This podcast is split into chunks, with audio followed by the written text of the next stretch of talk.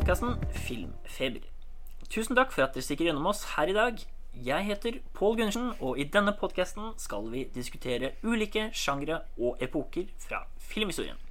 Og i dag blir det rett og slett Ville Vesten, for vi skal ta for oss John Ford sin gamle klassiker fra 1939, nemlig filmen Stagecoach.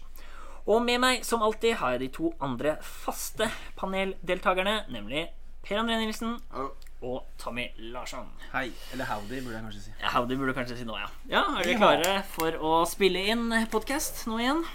Ja, nå har vi jo fått uh, satt oss ned godt i sofaen, sett på litt første date. Ledd litt av det. Åpna noen bokser med noe drikke, og da er man vel klar, da. Ja, Vi så jo den svenske versjonen. Per hadde funnet ut at det var på SVT1 på nettet. Skulle helst bare snakke om det, men eh, vi får ta litt Ford, da. Ja, Vi skal over til Ford, men eh, før det så kan vi jo ta den vanlige runden sett siden sist. Ja. Og ja, tenkte kanskje jeg skulle være sleip i dag, selv om jeg er litt sånn programleder, så kan jo jeg starte denne gangen. Begynn du. Eh, det, ja, jeg kan trekke fram to filmer. Den ene er Niklas Winding Reffen sin debutfilm 'Pusher' fra 1996. Eh, som da handler om undergrunnen i København. Mye rundt sånn kriminalitet og vold og narkotika og alt dette her. Og jeg er faktisk litt overrasket og så at denne kom før dogmefilmene 'Idioten og festen'. Fordi den er altså fra von Trier og Günterberg. For den her er også Den er jo ikke så filmatisk enkel som dogme, men den har veldig sånn dokumentaristisk og nøktern stil. da Liksom noe helt annet enn de der fargerike tablåene han har i liksom Drive og 9 Demon og sånn. da Så mye mer sånn rolig og dokumentarisk og egentlig ganske sånn seriøs stemning, vil jeg si. Og det er litt sånn tolkning av den historien som er sånn klassisk sånn en skylder penger, og så går alt mye, mye verre, da. Ting baller på seg. Ja, det er liksom nærliggende å nevne litt sånn Uncut Gems, bare ikke like anmassende, på en måte. Ikke like sånn vill. Litt mer sånn røft studentfilmaktig uttrykk, kanskje? Ja. Eller er det for inntrykk av? Ja, veldig sånn ne- neppe dokumentarisk. Og en fantastisk birolle av nevnte Mats Mikkelsen, som vi hadde om i forrige episode Druk. Han er bare sånn 22-23 år her, og han er noe av det beste med filmen. Jeg trodde han var hovedperson, jeg, faktisk. Ja, nei, han er birolle. For det er faktisk eh, et av minusene at han ikke er med med. For man tror han skal være ganske mye med. Men det er da visstnok en trilogi, hvor han da er hovedpersonen i den andre. Så kanskje jeg får sendt ut de etter hvert, da. Eh, så, men ja Det er noe som kanskje ikke er så bra med filmen nå. Det er blant annet liksom disse samtalene som eh, Ja, jeg vet ikke. Reffen har vel nesten aldri hatt en vanlig samtale i hele sitt liv, så det er ikke, det er ikke der han er sterkest. men ja, verdt å sjekke ut. Eh, og jeg kan nevne en til før vi går videre. Og jeg så da The Fury av Brian De Palme. Ja, den er jeg glad i. Og kort fortalt så er det da Kirk Douglas som har en sønn som har noen slags overnaturlige krefter, blir bortført av en stor, slem organisasjon som fanger ungdommer med lignende krefter, og Kirk skal da steppe opp og redde sønnen sin. Og det er annet en helt rå scene hvor han som 60-åring flyr rundt i lyktestolper og gjør parkour i underbuksa i Chicago sentrum. Nei, det er litt sånn vanskelig, men jeg syns det er jo helt fantastisk filmskaping i denne her, da. Det må nesten være sånn topp fem sånn slå på stortromma filmatisk av De Palma, føler jeg. Nei, Det er kjempelang slow motion action-sekvens. Eh, long takes, leken klipping. Litt som jeg nevnte med Racing Kane fra 1992-episoden. Hvordan dialogen blir mer spennende med kameraføringer.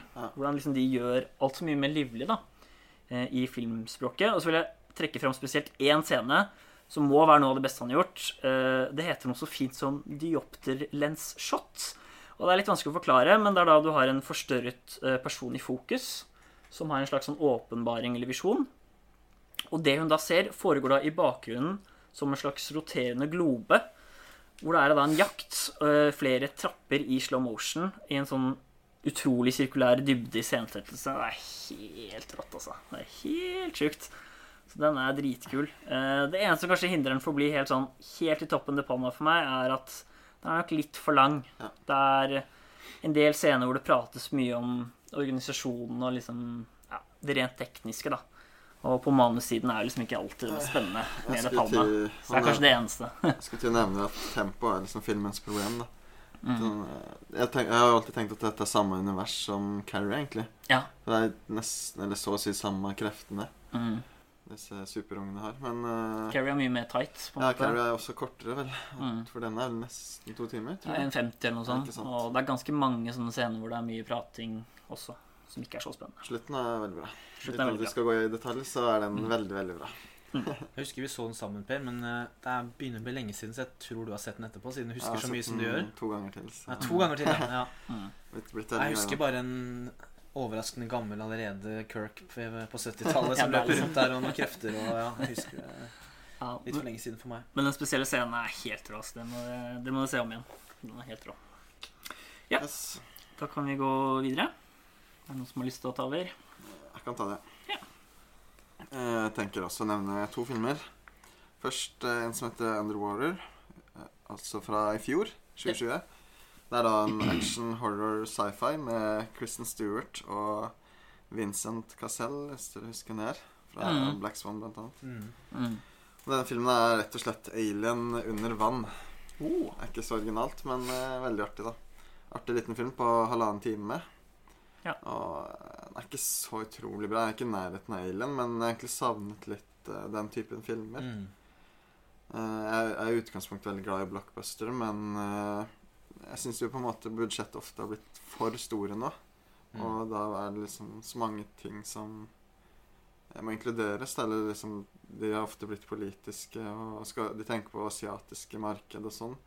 Så jeg savnet denne typen action horror, da, som Mm. ikke lages mye lenger. Mm. At det ikke er direkte B-film, men heller ikke sånn 100 millioner eh, budsjett. da. Ja. Sånn halvstor. Så hvis det ikke skal komme noe godt ut av korona, og at filmer går direkte til streaming, så håper jeg liksom denne typen halv... Halvstore, på en måte. halvstore, Ja. underholdende sjangerfilmer, da. Ja. Så ja, det vil jeg anbefale. Og Mhm. så så jeg også en Vredens dag fra 43 av Dreyer. Mm. Som da Tommy tipset om i horror-episoden. Ja, Selv om det ikke er horror, da. Ja, det var egentlig veldig tydelig at dette ikke var en skrekkfilm, da. Ah, Han blir diska, da. Sånn som Tremors. Men eh, ja, første halvtime var egentlig ganske hyggelig. Det handlet om eh, heksebrenning, da. Mm. Ja, det er jo ikke så hyggelig. En tematikk som Dreyer har vært borti før. Og den var vel også basert på en norsk novelle eller noe, denne filmen. Som igjen var basert på en sånn eh, rettssak. Ja, Anne Pedersdatter eller noe sånt. Ja. Mm. Ja, det maskineri, maskineriet fungerer bak her. Ja, nei, det er vel noe sånn Jeg tror det er en historie fra Bergen eller noe Ja. sånt på 1500-tallet. Mulig jeg bommer, bommer her nå, men eh, Jeg var, ble egentlig litt skuffa at det ikke handlet mer om den saken. For jeg innbilte meg at det faktisk var en sann historie. Men så var det jo veldig fiktivt, da. ja. Og så overrasket over at andre halvdel av filmen var romantisk drama, trekantsdrama. ja, Ikke si romantisk komedie nå. Nei, det var litt humor, litt ufrivillig humor et par ganger, men eh, Ja. Men ja, en ganske god film. Veldig bra cinematography. Maten var lyssatt og høykontrastbilde. Veldig, veldig flott. Klassisk musikk og Men du blir ikke helt vant til den måten det danske språket er. For hvis du sammenligner med forrige druk, da, som vi snakka om sist, så er det noe litt annet med den litt sånn treige måten å kon- konversere på. Det er liksom Ja, Nå minner jeg nesten litt om Bergman, selv om det ikke Mm. er svensk. Ja. Mm. Ja, ikke særlig skummel, men uh, veldig, veldig god film likevel. ja. ja kult at du så den. Det er mange år siden jeg så den. Og det er jo ikke en film som man tenker på hver uke, så litt morsomt at du dro fram den. Mm. Da kan jeg også nevne to. Uh, jeg har sett Where Eagles Dare fra 1968. Som er god gammeldags uh, nazi-hunt-eventyr med Clinter'n, Eastwood, og Richard Burton. Litt som The Dirty Dozen og Kelly's Heroes, hvis man kjenner til de. Litt sånn Men on a Mission-type eventyr-action-film, da. Men også litt sånn epic, for det er, som mange av de ofte er, og denne er, to timer og 45 minutter. Eh. Technicolor, widescreen, masse som skjer, masse statister og Og det går jo ut på da at eh, en liten gjeng med eh, som jobber for det britiske intelligence, da skal eh, invadere eller snike seg inn i en sånn eh, høyborg i Sør-Tyskland, og det er jo da Eagles Nest. eh, Hitlers eh, lille para palass nede i Sør-Tyskland der, da. Eh, det er angivelig fanget en amerikaner der da, som de skal prøve å hente ut. Og så skjer det ganske mye underveis. En del ting som nøstes opp, og en del mysterier, og alt er ikke som det ser ut. Mm. Så full av både spenning og action. Liksom like mye av begge deler. Ganske mye tension og suspens samtidig som det er veldig mye eksplosjoner og veldig sånn Jeg tenkte veldig mye på Inglorious Bastards også når jeg så den. Ja. Merker at dette er sånn Tarantino er veldig glad i den her. Mm. Og en annen liten uh, morsom foreshadowing også er at jeg fant ut at han som var uh, stunt director på denne, også er det på Stagecoach, Mm. faktisk. Så, så det er uh, Ja. Her er det mye mer action og stunt enn i den, men eh, ja, du ser jo, da får du sett litt hans eh, utvikling og karriere der. Så den, eh, hvis man har humør for en sånn film, så er den kul, den. Kanskje litt lang, men absolutt underholdende. Og så har jeg også sett All That Jazz av Bob Fosse fra 1979. Ikke Bob Fosse. Nei, det er den norske broren. Det er ganske likt som eh, 8,5 av Fellini, Mm. men med Roy Scheider i hovedrollen. Han fra Jaws og Sorcerer, blant annet. Mm. Og det handler da om han som er en uh, søvnmanglende, pillespisende, syltynn, selvpinnende kunstner. Og portrettet rundt han. Han er da en slags teaterregissør og musikal- eller danseregissør. da. Samtidig som han også klipper en film på klipperommet. Løper mellom teaterscenen og klipperommet. Har altfor mye å gjøre. Har ikke tid til familien. Og bare røyker konstant, spiser ikke. Og hans downward spiral, da, for å Mm. bruke godt norsk, eh, og liksom hans liv. Og det er, den er utrolig bra regissert. Sånn, en utrolig klipping og rytme i filmen. Og det er veldig sånn. Den er, ja, anbefales veldig. Og han hadde jo Det er jo, bas, det er jo en slags selvbiografi, for han drev jo og Han hadde jo laget en eh, film om en standup-komiker tidligere, og det er den filmen han sitter og klipper i denne filmen. Og han hadde jo også Mm. satt opp eh, blant annet Kabaret før, som også er en film som også han har laget. Så det er veldig mye sånn meta-elementer inni her. Men uh, helt klart den beste tolkningen jeg har sett av han Scheider. Han får spille på mye mer enn i, enn i Jaws. Det er kanskje litt uh, feil å si her, men uh, dere skjønner kanskje litt hva jeg mener. Jeg se han. Hvis jeg ikke husker helt feil, dette burde jeg dobbeltsjekka, men jeg tror han i hvert fall var nominert for Oscar. Jeg tror kanskje han vant også. Jeg har faktisk glemt. Det er noen uker siden jeg så denne. Mm. Men den anbefaler jeg også. Det er ja, Den grenser jo til musikal, men det er jo ikke de, de går jo ikke ut i sang, liksom. Det er jo bare når de setter opp stykkene og sånn. Så hvis, man, hvis du syns det hørtes interessant ut, så, Det er to filmer jeg ikke har sett, i hvert fall. Mm. så anbefaler jeg den også. Den, uh, mm, så det Jeg har også sett uh, Tatt en rewatch av Godzilla King of the Monsters, men det er muligens jeg sparer litt til en kanskje fremtidig episode som dukker opp i en podkastspiller eller nær der. Kanskje, kanskje. Hvem vet? Ja. Hvem vet? Så får dere mer mine, mine tanker om den eh, for første gang siden kino ja, forrige uke, da. Mm. Ja. Og det syns stund. Ja, Ja, men bra. Da har vi jo litt uh, forskjellige her som dere kan bryne dere på. Har fått litt eh, anbefalinger. Ja. Og da kan vi kanskje gå mot eh, selve filmen i dag, som da er John Fords Stagecoach.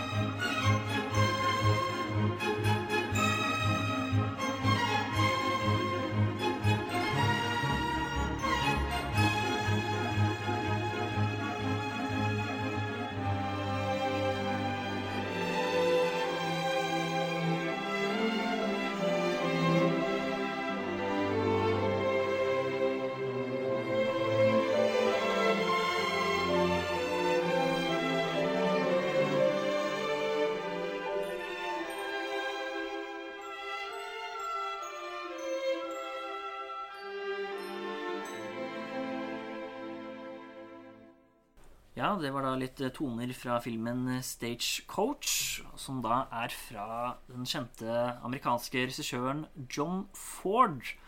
Og han i seg selv er jo en litt eh, artig skrue, kanskje bare før vi begynner på filmen. Vi møttes jo og så et sånt eh, eh, intervju med han på YouTube, og det var jo nesten like ille som de nyeste eh, intervjuene med Jørgen Klopp. Han var ikke særlig snakkesalig. Vi kan jo bare med en gang si det at hvis du søker på 'Directed by John Ford', som det lille klippet heter, 1 minutt og 20 sekunder Jeg sitter ute i ørkenen Ja. i, på sine siste dager. Ja, Ja. 69 eller noe sånt var det sånn Ja. like, like før han døde. Da opplever man jo at han er verdens verste intervjuobjekt. Hvor han blir spurt om og Du lagde en utrolig, utrolig scene i den og den filmen. Hvordan gjorde du det? With the camera. Ja, det var akkurat sånn. Og bare Så spurte han hadde du tenkt på noe sånn tematisk, et eller annet, og så sa han no. Og så sa han men når du hører det nå, har du noe mer å utdype? Så bare trekker han på skuldrene, og liksom den der lappen hans faller av over øyet. Og bare helt sånn nonsjalant og bryr seg ikke noen ting. Han stopper, eh, han stopper hele klippet med å bare si cut. Han, eh, Ja, cut, ja. og i starten også så sier jo Take One før de begynner intervjuet, så sier han More than one take? Han er så negativ Ja. før Så- det starta. Det er litt interessant at en så på en måte anerkjent regissør virker så uinteressert i film. For han er jo også Ja. Kanskje rart å si uinteressert i film, men han er jo også kjent for å si at eh, Han er jo også kjent for å si at han kun var interessert i film uh, for å få mat på bordet. Uh, og det er det som er så morsomt, for han er jo liksom så anerkjent av mange regissører. ja.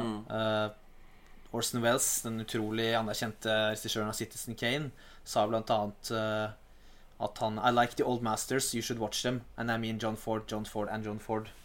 Ja, og han så jo også den filmen her som vi skal snakke om i dag 40 ganger før han Ja. lagde Citizen Kane. Det var sånn morsom fun fact jeg fant ut. Det leste jeg også.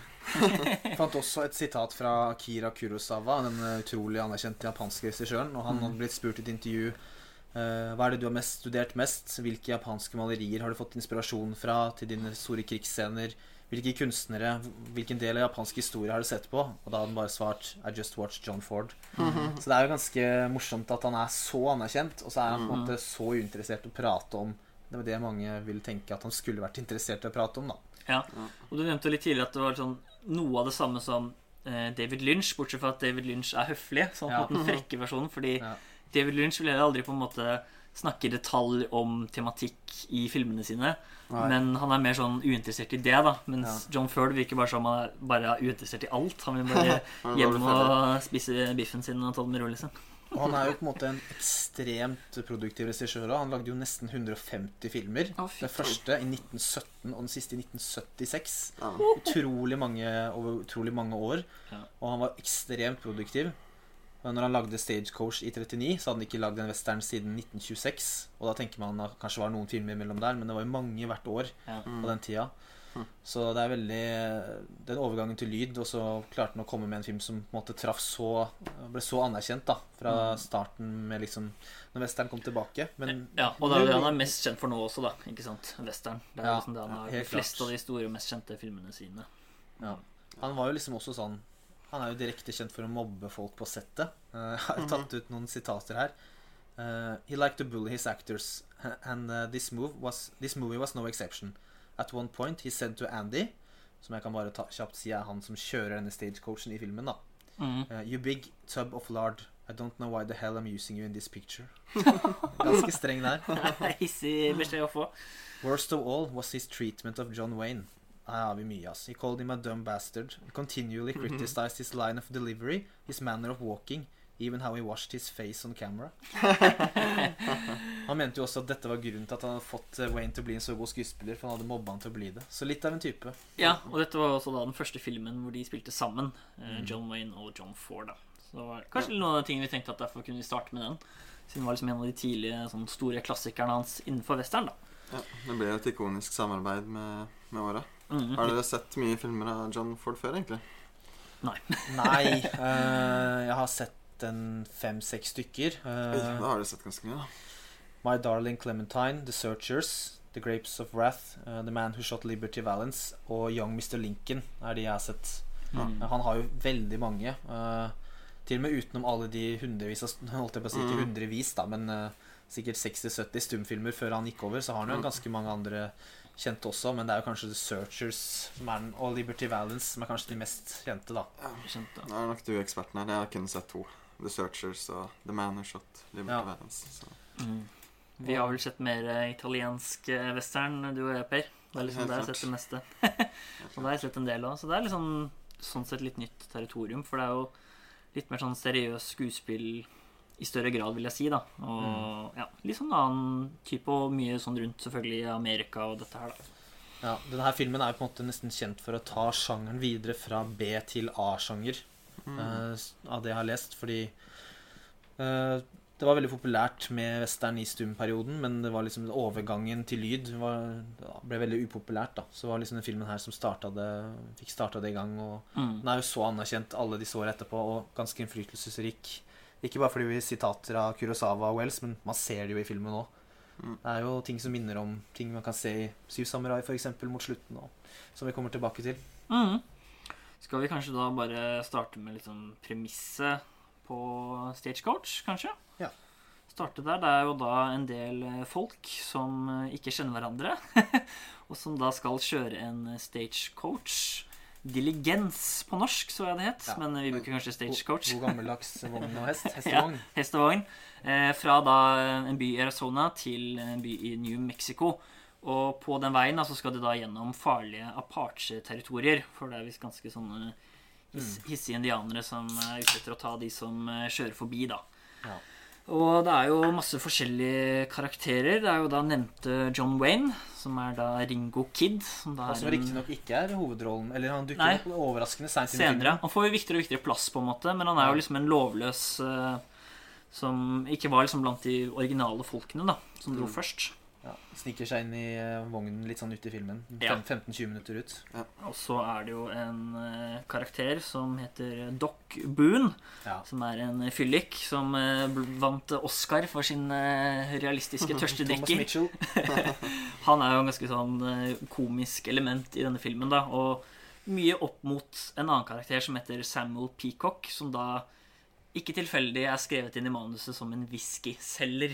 Han er liksom med denne stagecoachen og bare tryner til Doc Boone når han finner ut at en whiskyselger skal være med på denne, for han er helt blakk. Han skal liksom ha drinken sin på kreditt før de går ut innen stagecoachen.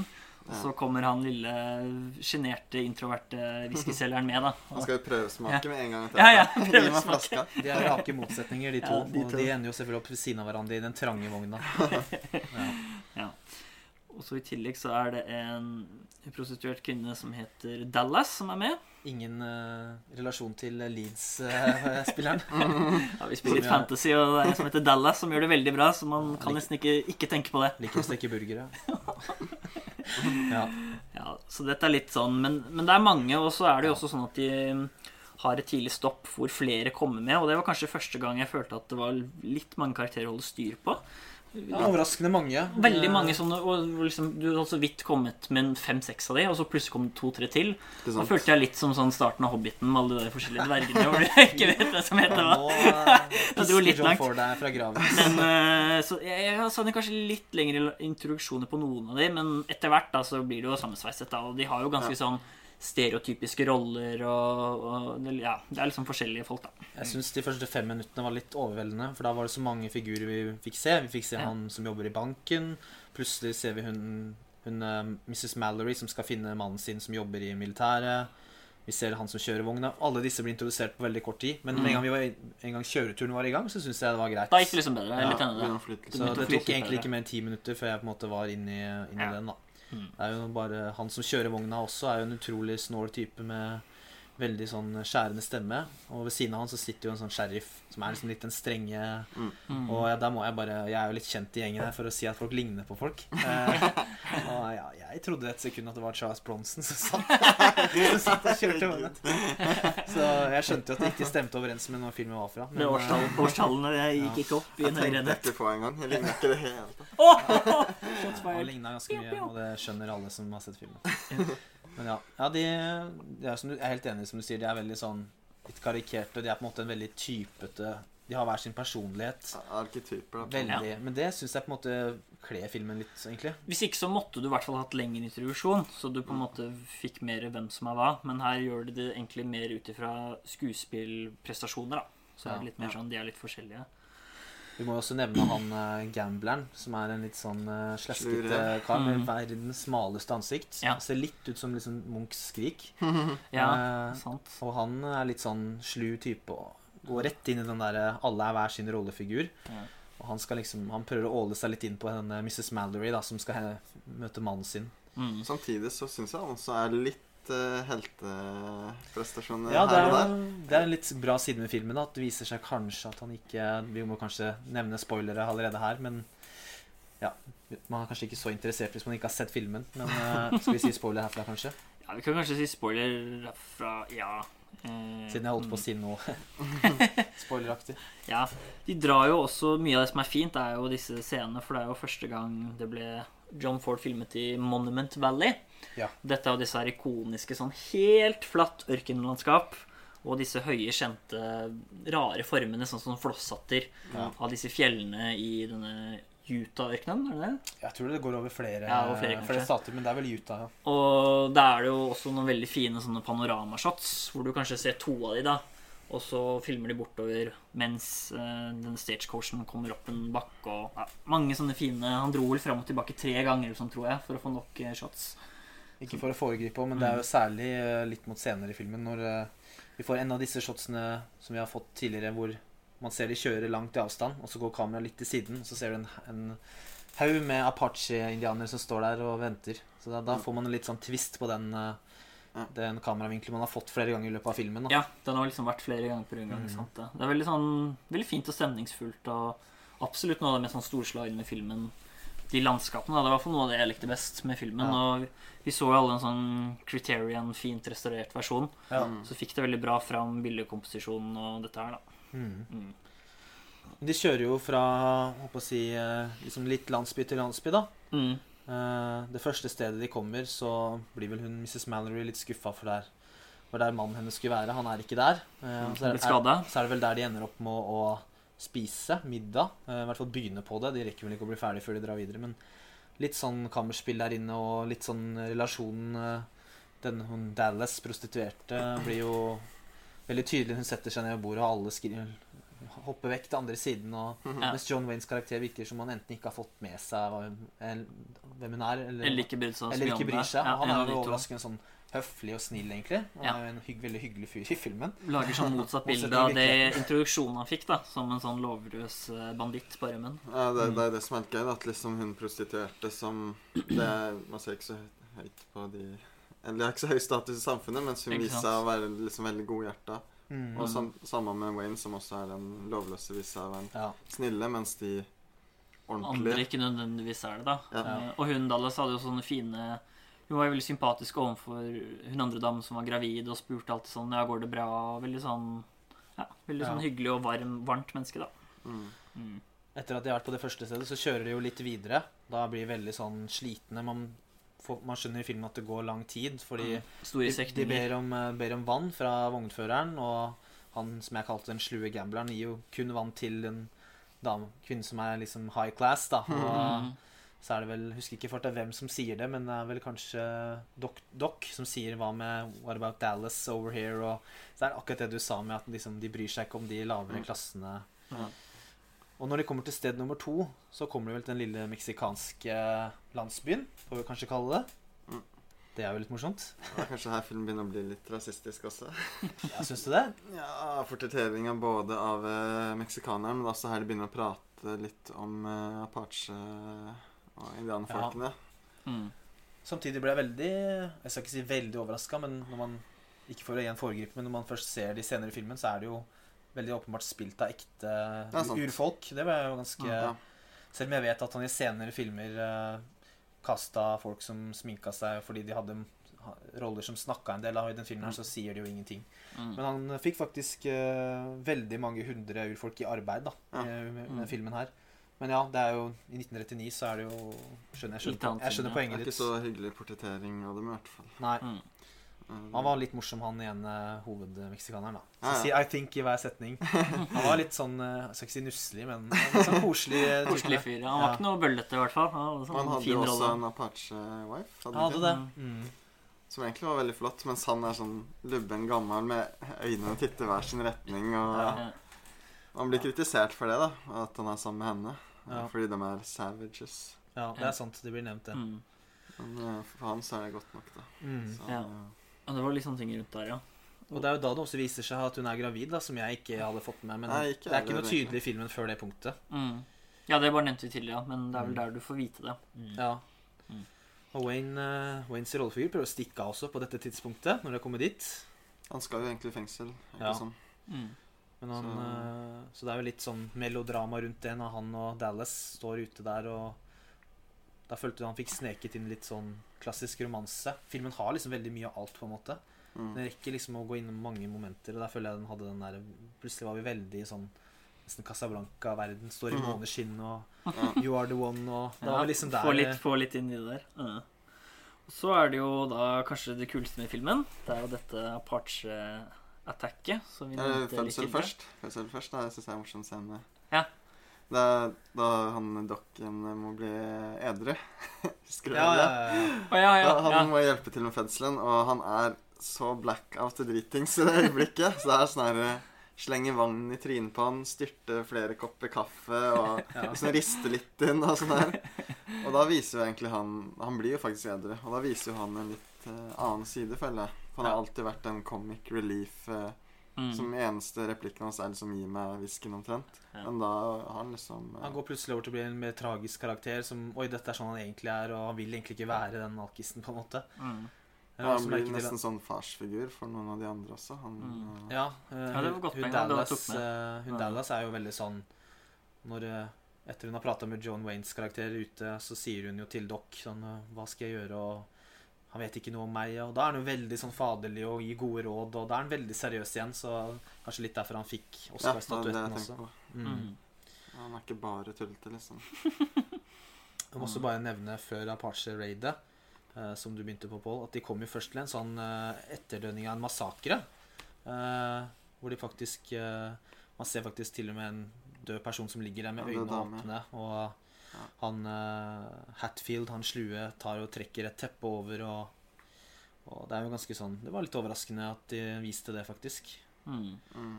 Og så kom jo denne hestescenen under vannet-scenen, faktisk, Ja. etter det igjen. Mm. Den overraska meg litt. At uh, Både hvordan kameraet var plassert, og at hestene nesten svømmer og drar denne tunge vogna etter seg. Og Ting, Hva tenkte dere om den? Blir sånn Herzog eh, Ja, Fitzcarraldo Ja, litt 1993. sånn, tar faktisk og liksom knyter fast sånne svære trær eller Ja. sånn stokker til eh, det- vogna, som, den skal flyte over denne lille bekken. Og det står det på trivia. Det gjorde de på ekte òg, bare at eh, tømmerstokken var egentlig uthula. Og så var det Ja. altså en kabel under vannet som dro i vogna i Ja, tillegg. ok. mm. Men det er jo på en måte gjort så å si så, Det er gøy å få det til, da. Få liksom de tingene der i en sånn type film. Mm. Mm. Det er veldig kult. Det så veldig bra ut. Men så er det vel eh, kanskje det som var det mest oppsiktsvekkende scenen i Ja. filmen etter det, da. Jeg ble tatt litt på senga, egentlig. Sånn, selv om jeg Ja. egentlig vet at han er på en måte kjent for action og sånn også, men det var liksom Jeg bare følte ikke at det lå i kortene på hvordan filmen var, da. At den var litt mer sånn nedpå. Men dette er jo helt fantastisk eh, orkestrert, egentlig. Ja, Sånn, jeg er helt enig. bare du, du ser på en måte sånn hvor mye alle disse hestene jobber, og liksom hvor fort alt går. Og det må være vanskelig å få så steady kamera bakover. Ja. Ka ka Kameraet går baklengs, mens alt dette skjer ofte. Ja, det var jo eh, jeg, gikk, jeg måtte jo bare gå rett inn på han uh, stuntregissøren, og han hadde jo også Ben Hur et par år etterpå. Mm, det, det det, det ligner jo veldig på den scenen. Mm. Det er jo altså så mye som skjer. Hester som, det er så mange hester som ramler over, og, og indianere som flyr av. Og løper langs Og og utrolig Ja, hvor skal man begynne? Det er jo Starter vel egentlig med sånn skudd. Ja. Han der stakkars uh, whiskyselgeren får bare sånn svær uh, indianerpil rett i brystet. Ja, da, da ble jeg overraska. Det var en sånn, sånn overraskende action. Og så går du vel gjennom en sånn passasje hvor de eh, gjemmer seg øverst, eller noe sånt, disse Apache, og så er det bare nedpå og bare full krig, da. Ja. Kommer fra alle sider, og du ser bare hvor intenst alle hestene løper, Det og det er så mye. Doubles. Det går veldig fort, ja. De er Apache-folk er nesten som en sånn naturkraft som kommer Mhm. inn. På en måte sånn eh, Flodbølge. Skikkelig sånn eh, Og det er jo utrolig imponerende, rett og slett. Ikke bare for tiden, men det er jo Stunts det blir jo og klatring framover på hestene Ja. foran vogna. Hopping i stunts i tagningen. ja, Mm. og så Det er vel John en, som spiller en stunt Eller det er jo John Wayne sin karakter da som klatrer framover. Ja. Uh, faller ned og rett og slett blir trampa over av mange hester og vogna som løper over. Mhm. Og da tenkte jeg med igjen det må være en dokke, men kamera klipper ikke, og så ser du at han beveger seg og reiser seg opp. Mm. Da tenkte jeg bare wow, dette er jo Buster Kitten.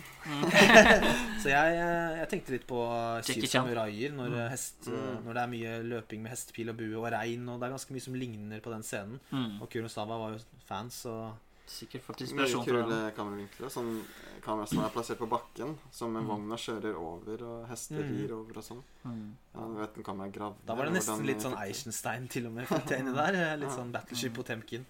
Mange som tryner og ruller rundt, og, og det ser heller ikke teatralsk ut. da Det ser veldig ekte ut. liksom Ja, Ja. De actionsekvensene hvor folk slår seg, da ser Ja. veldig ekte ut. Det er veldig bra, men, men det er et lite men der at jeg la merke til at det ble nesten sånn uh, stock footage. Det var flere av de indianerne som ble skutt av fallhestene, som ble brukt om igjen. Jeg vet ikke om dere tenkte på det? Faktisk ikke. Det Så var det sånn et par stykker som dukka opp flere ganger, og det syns jeg er litt sånn Da okay. kunne kanskje scenen vært kortere, da. Ja, det, jeg, jeg la meg faktisk ikke merke det. det For det den er ganske lang, denne scenen. Den Ja. Jeg syns den var overraskende lang. Mm. Jeg syns jo det egentlig var kult. Ja, veldig kult. Ja. Men jeg bare la merke til «Hæ, Det her så jeg jo for tre minutter siden. Ja. Samme killen. Ja. Ja, men eh, Ligna det veldig. Det var, det var tvilling, tvillingbroren. Jeg ble overraska hvor mange ganger vi skulle se at en hest sånn voldelig faller, og det flyr folk av. Ja, ja. Og man eh, klarte liksom ikke å ikke tenke bare 'dette var rått', da. På en måte. Mm. Eh, Så rett og slett Ja, litt på sengen der, ja. At det var liksom så, mye av det. Liksom ikke Både underholdende og innovativt på en gang, rett og slett. Mm. Og så dør det jo faktisk noen karakterer da, som er litt gjør, det- gjør at ting står litt mer på spill da, når du ser Mm. at det er viktige Mm. personer faktisk blir drept i dette angrepet. da. Mm. Ja. Det er sant. Vanligvis så overlever jo alle. og det går så Absolutt fint, alle. og- Eller eventuelt han ene skurken dør, eller noe sånt. Men Ja. ja. Det som er i klimakset i vogna, er jo at uh, denne Hatfield, denne litt uh, slue, eller er han ikke slue typen, plutselig uh, idet han føler at det nærmer seg slutten, og Ja. Apache kommer nærmere Og nærmere, Og et skudd igjen også. Og bare ett skudd igjen ja, i revolveren, så tar han rett og slett revolveren, og så er kameraet kun på revolveren og hans hånd som går mot hodet til denne Mrs. Mallory, som er den han Mm. har passet på hele filmen. Rett og slett eh, skal ta et sånn eh, skudd for å skje- skjevne henne rett fra Vekk fra volden som kan Tortur eller et eller annet som kan skje, da. Mm. Og Han blir stoppet i siste liten. Han blir jo skutt selv eh, idet han skal til å skyte. Vi Mm. ser det ikke, men vi hører at han lager sånn lyd. men det er ikke hans pistol. på en måte. Mm. Og så kommer det jo sånne Sånn her eh, mye western-trompetgreier. og da er det jo Da er det jo redda. Da er det safe. Altså, en litt annen morsom detalj som jeg måtte le høyt av midt oppi all denne skytingen av indianere og den vogna som rister noe vanvittig, så er det en scene at de filmer lille nyfødte babyen driver og sover. altså close up at du rister på ungen som sover. Den burde hylt. Verdens roligste baby. Bare sånn drømmebaby. Ja. Og så den vogna var riste helt syk, pluss alle pistolskuddene. Sov tungt, vet du. Han har sett ferdig Teletubbies og lagt seg for. Så det var litt uh, ja. Samtidig var det, likte jeg det, for jeg hadde nesten glemt litt at det var en baby inni der òg. Det Det var så mange karakterer. enda mer som står på spill, på en måte. Så det er, det er til og med en baby her inne, og Mm. dette voldelige angrepet skjer. Ja. Men så er jo faktisk ikke filmen slutt der heller. Nei, den var faktisk litt lenger, den epilogen, eller hva man skal kalle det for noe. Fordi de kom jo til slutt fram da, til eh, dit de skal, og da er det litt sånn forskjellig. Noen er jo ikke død, men skada, og så blir jo hentet og fraktet bort. Og, Mm. Og så er det visst noen sånne bad guys inni Ganske sånn kul sånn røykebalu... Bule, eller hva man skal si. da Ja. Sånn som de driver og gambler og sånn. Saloon. Saloon, ja, bedre ord, ja. Mm. ja. Så får de vite at han eh, godeste Ringo Kid, altså John Wayne, er tilbake, da. Ja, for det har jo rett og slett Mm. vært et lite Skal ikke kalle det subplot, men eh, ja, et lite plott underveis om at han har noe uoppgjort i den Lordsbury, denne byen, mot en Ja. som heter Luke, og de har eh, hadde vel, han Luke hadde vel tatt livet av faren eller broren, eller var det begge Mm. to, eller jeg husker ikke helt. Det var liksom sånn der oppbygging, da. Og da liksom Før først vite det der, og så møter også de bad guysene på uh, fylliken Doc Boone i puben etterpå. Ja. Så det liksom det bygger seg litt sånn rolig opp eh, mot liksom denne Vi får rett og slett en, Shootouten, eh, vi får rett og slett en sånn klassisk western shootout på slutten av filmen. Som er veldig kjent for mange andre filmer i ettertid, men jeg vet ikke hvor eh, mye det hadde vært av det før. Men vi får liksom den i tillegg til alt det andre vi har fått. Da, så skal vi få en sånn klassisk Ja. Leone-aktig De går liksom mot hverandre sånn sakte. mm. Men jeg syns kanskje selve shootouten var litt underveldende med tanke på hvor kul det første action var, da. For du ser jo faktisk bare eh, bildet av han som hopper ned og skyter, Ja. og så var det over. Så Ja, du fikk så- liksom ja. ikke noe mer eh, Skulle kanskje ikke ønsket litt mer. Så Mm. klipper han tilbake til hun dama. Ja. Som, eh, Ja, den var ja. litt underveldende for min del. Eh, Jeg har egentlig litt å si angående slutten, for den likte ikke jeg særlig godt. Mm. Eh, Så jeg som nevner, Filmens klimaks er nesten offscreen, da. Mm. Ja. Og jeg kunne også Vi har jo sagt at det er spoiler, så jeg må også innrømme at jeg kunne ønske at eh, Ringo Kid døde, egentlig. Mm. For eh, ja, det, han har jo funnet kjærligheten med hun ene, og tidligere Ja, hun prostituerte. Og han har tidligere snakket om at eh, Han har en ranch og sånn som han vil at de skal flytte til. Mm. Eh, men han skal jo dessverre i fengsel i tillegg til disse personene som prøver å drepe ham. da. Ja. Og jeg syns det ville vært eh, mer eh, heroisk og dramatisk hvis han ga bort gården til henne og ga henne en ny sjanse i livet som sitt siste ønske før si. han selv eh, gikk bort. da. Mm. John Wayne var litt for egoistisk, tror jeg. Ja. Men, og hun, men, men, men isteden så trygler hun han om å, at de skal rømme istedenfor å gå i denne skyteduellen. Ja. Noe så om han bare avfeier og ja, går i duell, skyter alle tre, kommer tilbake. Lever lykkelig alle sine dager. Plutselig skal han ikke i fengsel likevel, og det ble litt Ja, sånn akkurat det at uh, han sheriffen til slutt bare lar han gå, det syns jeg var litt moro, må jeg innrømme. Det var litt sånn det, da, da fikk man litt eventyrfølelsen av det hele, men det har jeg liksom hatt hele veien med alle disse figurene og alt det som har skjedd. Og, Mm. så akkurat at han lot han gå, syns jeg var greit, men jeg, filmen hadde kanskje hatt et enda større rykk opp hvis det hadde vært da. litt mer eh, Men jeg var såpass fornøyd egentlig før det Ja. at jeg brydde meg ikke så mye om det. For, Ja. Og så bare det at det er liksom At man ikke får se duellen. da. Ja, det, det var egentlig lignende- mest mitt. At han bare For det bygges så sykt opp. Det, gikk, Mm. det var mange sånn Du først ser de tre som går i sånn silhuetter, nærmest. Skikkelig mørkt.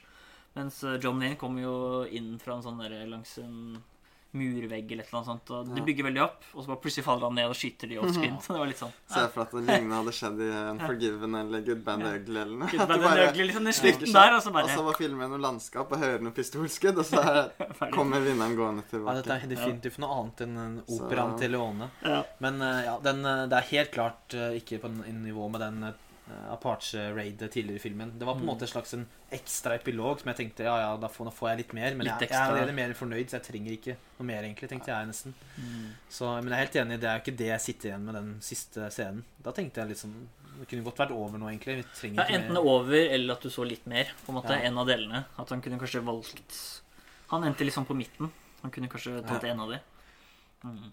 Jeg må bare nevne en eh, litt sånn rar fun fact på slutten. Ja. Eh, John Wayne er ganske ung her, ikke sant? Og Mhm. dette var en av hans første western, og man tenker at han var tidlig i karrieren hans. Sjekka hvor mange filmer han hadde lagd opp til dette tidspunktet. Ja. Jeg har lyst til å gjette bare kjapt. Jeg så det. Ok, Ja. Per, da.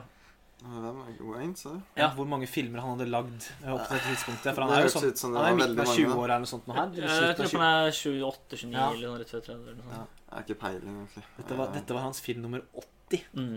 Ja, Ja. Så han var et helt utrolig Utrolig karriere, rett og slett. Slå, slå Kristoffer Lie. 80 filmer fram til 1939. Altså. Så det, det måtte jeg bare nevne, for det er jo helt spinnvilt. Han er, så, han er ung her. Han har sikkert bare hatt helt sinnssykt mye sånn statistjobber da for, før han begynte å liksom bli mer sånn hovedrolleinnehaver. Sikkert. Ja. Mm. Ja. ja, nei, hadde du noe Har du noen favorittkarakterer eller noe sånt fra filmen? Det må være han Arkesen. Ja, Ja. Doc. Ja, det er jo dere, kanskje, det er jo dere som Kanskje er samspill egentlig med han og whiskyselgeren. Jeg likte liksom den, de to sammen. Det var Ja. ganske kult. Mm. Ja, nei, han er jo den kule. Men, men eh, de utfyller hverandre. De er jo så, de er jo så karikerte og typ, typete folk som utfyller hverandre, så Mm. det var ingen som var direkte uinteressante der, på en måte, i den vogna. Nei, Nei, men bra. Skal vi kanskje si oss ferdig med eh, episoden da? Mm. Så da kan dere også følge oss på sosiale medier hvis dere vil det. Filmfeber. Og den neste episoden vår blir da altså godeste King Kong versus Godzilla. Så den gleder vi oss til å spille inn. Det blir noe litt annet. Det, Det blir litt annet. litt. Vi prøver å variere, så alle blir Ja. fornøyde. Det er viktig Ja. for oss. Så det var det. Tusen takk for at dere lytter på oss, og så ses vi igjen neste gang. Ha det bra, alle sammen. Ha det godt. ha det.